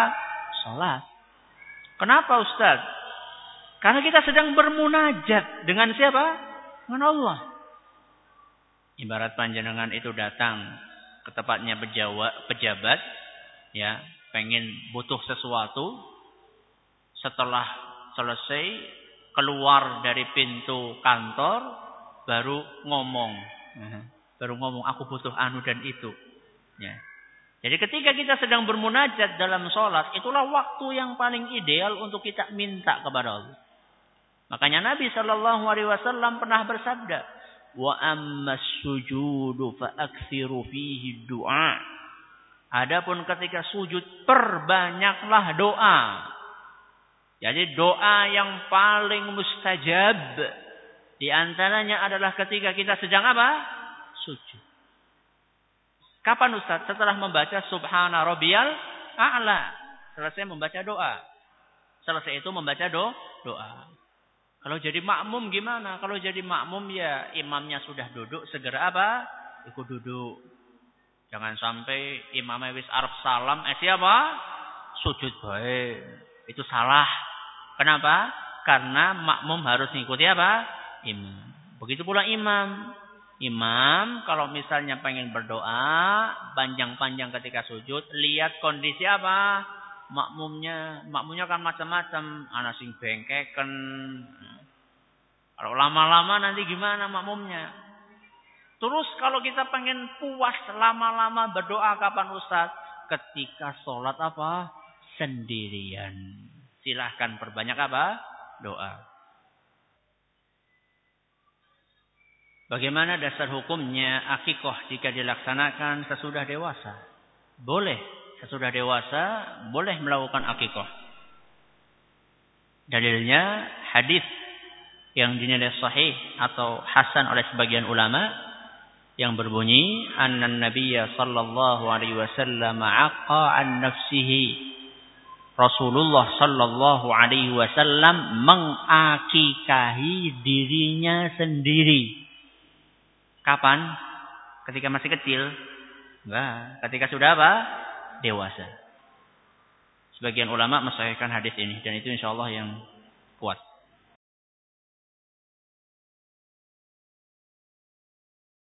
Kami terkena kafarat. Kafarat itu denda karena berhubungan di bulan puasa. Siang atau malam ini. Kalau malam nggak apa-apa. Kalau siang nggak boleh. Tapi kami tidak kuat puasa. Bagaimana solusinya? Hukuman itu per orang atau per pasangan. Anda melakukan hubungan suami istri sendirian?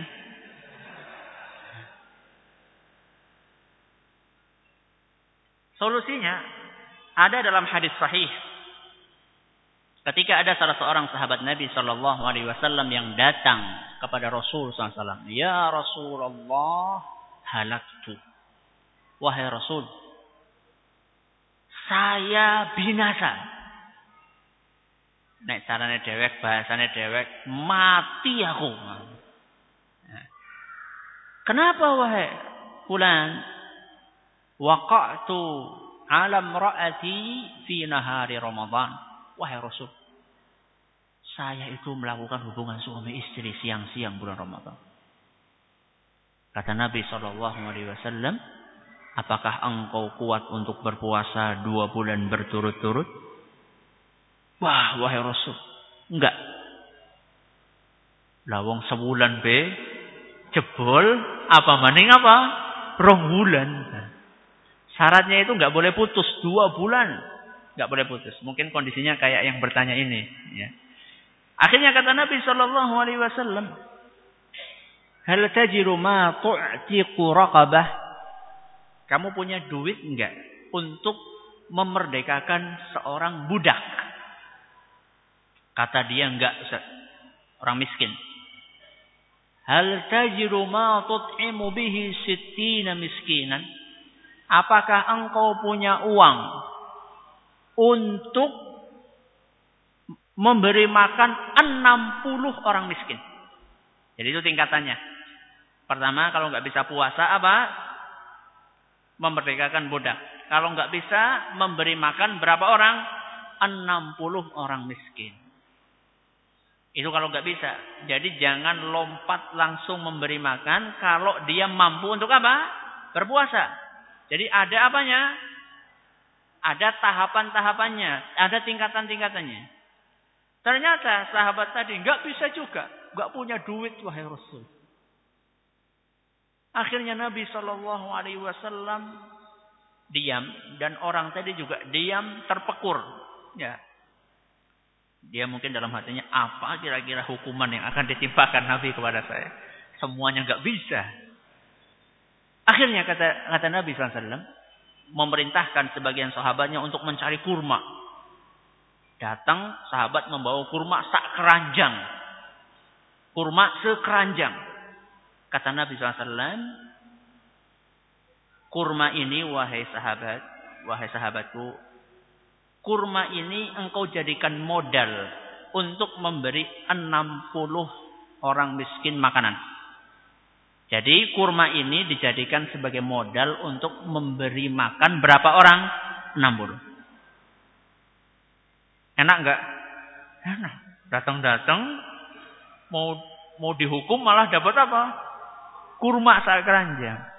Ternyata sahabat tadi masih bertanya lagi kepada Nabi, "Wahai Rasul, ala afqar minna saya memberi dan membagikan kurma ini kepada siapa? Kepada orang yang lebih miskin dari keluarga kami? Wallahi ya Rasulullah. Kampung ini yang paling miskin itu saya wahai Rasul. Jadi kalau ini diberikan kepada 60 orang miskin, saya makan apa wahai Rasul? فضحك النبي صلى الله عليه وسلم حتى بدت نواجذه Nabi SAW tertawa, tersenyum. Sampai giginya itu kelihatan. Kata Nabi SAW, Idhab fa'at'imhu ahlak. Kata Nabi SAW, ya sudah sana pergi. Bawa korma ini buat makan keluarga kamu. Insya Allah ya sudah melakukan hubungan suami istri siang-siang Ramadan, pulang-pulang bawa apa? Kurma. Dimakan sendiri lagi. Nah. Tapi maaf ini yang bertanya ini, ini belum tentu berlaku kepada jenengan. Nah. Karena saya nggak tahu jenengan kondisinya kayak orang tadi enggak. Nah. Kalau panjenengan masih mampu untuk memberi makan 60 orang miskin, panjenengan berkewajiban untuk apa? Untuk mengeluarkan makanan untuk 60 orang miskin. Kalau enggak, ya silahkan cari kurma di mana. Nah, itu.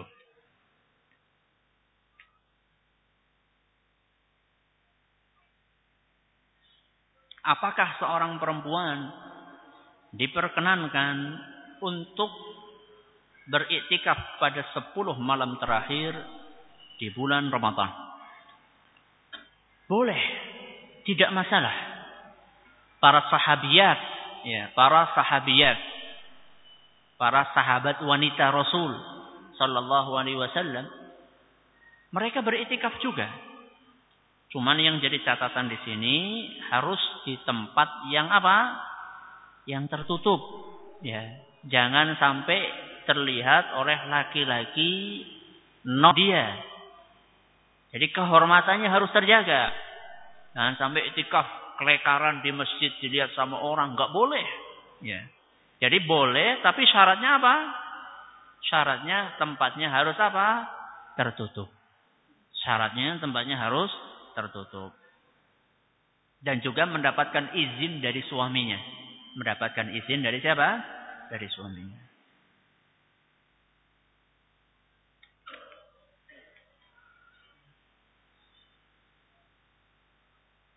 Zikir atau doa apa yang dibaca setelah sholat terawih dan witir? Kalau setelah sholat terawih, saya belum pernah menemukan doa khusus. Kalau setelah witir, setelah terawih kemudian witir, selesai witir, ada. Yaitu doa Subhanal Malikil Kudus, Subhanal Malikil Kudus, Subhanal Malikil Kudus, Rabbul Malaikati waruh. Itu adalah selesai terawih. Adapun antara taraweh dengan witir saya belum pernah menemukan hadis yang menjelaskan bacaan khusus saat itu. Adapun doa yang berbunyi Allahumma innaka afuwun atau dalam riwayat lain afuwun karim tuhibbul afwa fa'fu anni. Adapun doa ini maka disunnahkan di 10 hari terakhir untuk diperbanyak. Landasannya pertanyaan Aisyah radhiyallahu anha. Kata Aisyah radhiyallahu anha, "Wahai Rasul, seandainya saya menjumpai 10 hari terakhir di bulan Ramadan yang diprediksikan akan datang Lailatul Qadar, apa kalimat yang engkau nasihatkan untuk saya perbanyak?" Kata kata Rasul sallallahu alaihi wasallam, "Quli perbanyaklah mengucapkan Allahumma innaka afuwun tuhibbul afwa fa'fu anni. Jadi ini kalimat disunahkan diperbanyak kapan? Di 10 hari terakhir di bulan apa? Ramadan.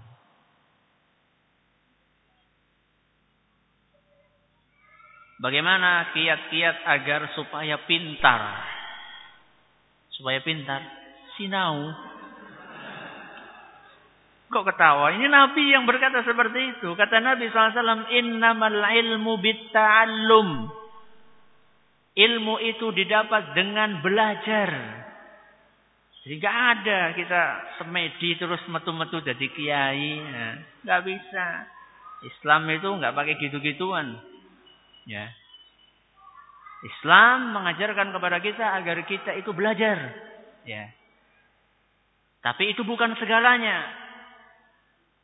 Setelah belajar kita memohon untuk mendapatkan taufik dari siapa? Allah. Jadi nggak cuma belajar saja. Kalau kita itu hanya bergantung kepada usaha kita, tok, maka kita akan menjadi orang yang som, sombong. Kalau kita selalu menggantungkan diri kepada usaha kita, nanti yang adalah angkuh. Ya. Banyak ilmunya, pinter, tapi madei. Ya. Soalnya apa? Sombong. Supaya tidak sombong bagaimana? Banyak-banyak berdoa menghibah kepada Allah. Rabbi zidni ilman warzuqni fahman. Wahai Robbi, tambahlah ilmu kepadaku. Ya. Kemudian berilah rizki kepahaman kepadaku. Jadi supaya pintar, ya belajar dan juga memohon kepada siapa? Kepada Allah subhanahu wa ta'ala. Bagaimana caranya memotivasi orang terdekat kita? Untuk berlomba-lomba meraih hal yang gaib atau pahala. Sementara pola pikirnya sebatas apa yang dilihat. Harta, kedudukan, dan seterusnya. Mohon nasihatnya agar kami bisa lebih bersabar terhadap soal di atas atau dalam mendakwahi. Yang namanya kebahagiaan perlu Anda jelaskan kepada keluarga Anda bahwasanya kebahagiaan jiwa itu bukan diukur dengan banyaknya harta. Banyak orang yang kaya raya tapi jiwanya tidak apa? Tidak tenang. Saya pernah mendengar suatu khutbah Jumat. Saat itu khatibnya itu bercerita tentang seorang wanita di negeri barat yang kayanya luar biasa. Kenapa? Karena dia itu mendapatkan warisan dari orang tuanya yang tidak meninggalkan keturunan kecuali hanya dia. Kaya raya. Sampai dia itu beli pulau. Bukan beli tanah, beli apa? Pulau. Kemudian dia bangun di pulau itu sesuatu yang paling indah yang bisa dia bangun. Bagaimana meninggalnya dia? Meninggalnya sendirian. Tidak ada satupun yang menemani dia di pulau itu. Kemudian ketika dia meninggal ditemukan ada secarik kertas yang tulisannya saya tidak mendapatkan kebahagiaan. saya tidak mendapatkan apa? Kebahagiaan. Ini salah satu contoh dan masih banyak contoh yang lainnya. Karena kebahagiaan di dalam Islam itu bukan dikejar dari itu. Kebahagiaan dalam Islam kata kata Allah Subhanahu wa taala ala bidzikrillah tatmainnul qulub. Dengan berzikir, beribadah kepada Allah, hati itu akan apa? Akan tenang. Jadi kebahagiaan itu bukan dicapai dengan seperti itu. Tapi bukan berarti kita nggak boleh mencari kekayaan, boleh. Tapi jangan sampai kekayaan itu melalaikan kita dari ibadah kepada Allah Subhanahu wa taala. Nasihat saya, coba perbanyak ya, perbanyak mendoakan keluarga tersebut agar mendapatkan hidayah dari Allah Subhanahu wa taala. Saya kira cukup sampai di sini. Terima kasih atas segala perhatiannya. Mohon maaf atas segala kekurangannya. Kita tutup dengan membaca doa kafaratul majlis. Subhanakallahumma rabbana wa bihamdika. Ashadu an la ilaha illa anta. Astaghfiruka wa atubu ilaik. Wassalamualaikum warahmatullahi wabarakatuh.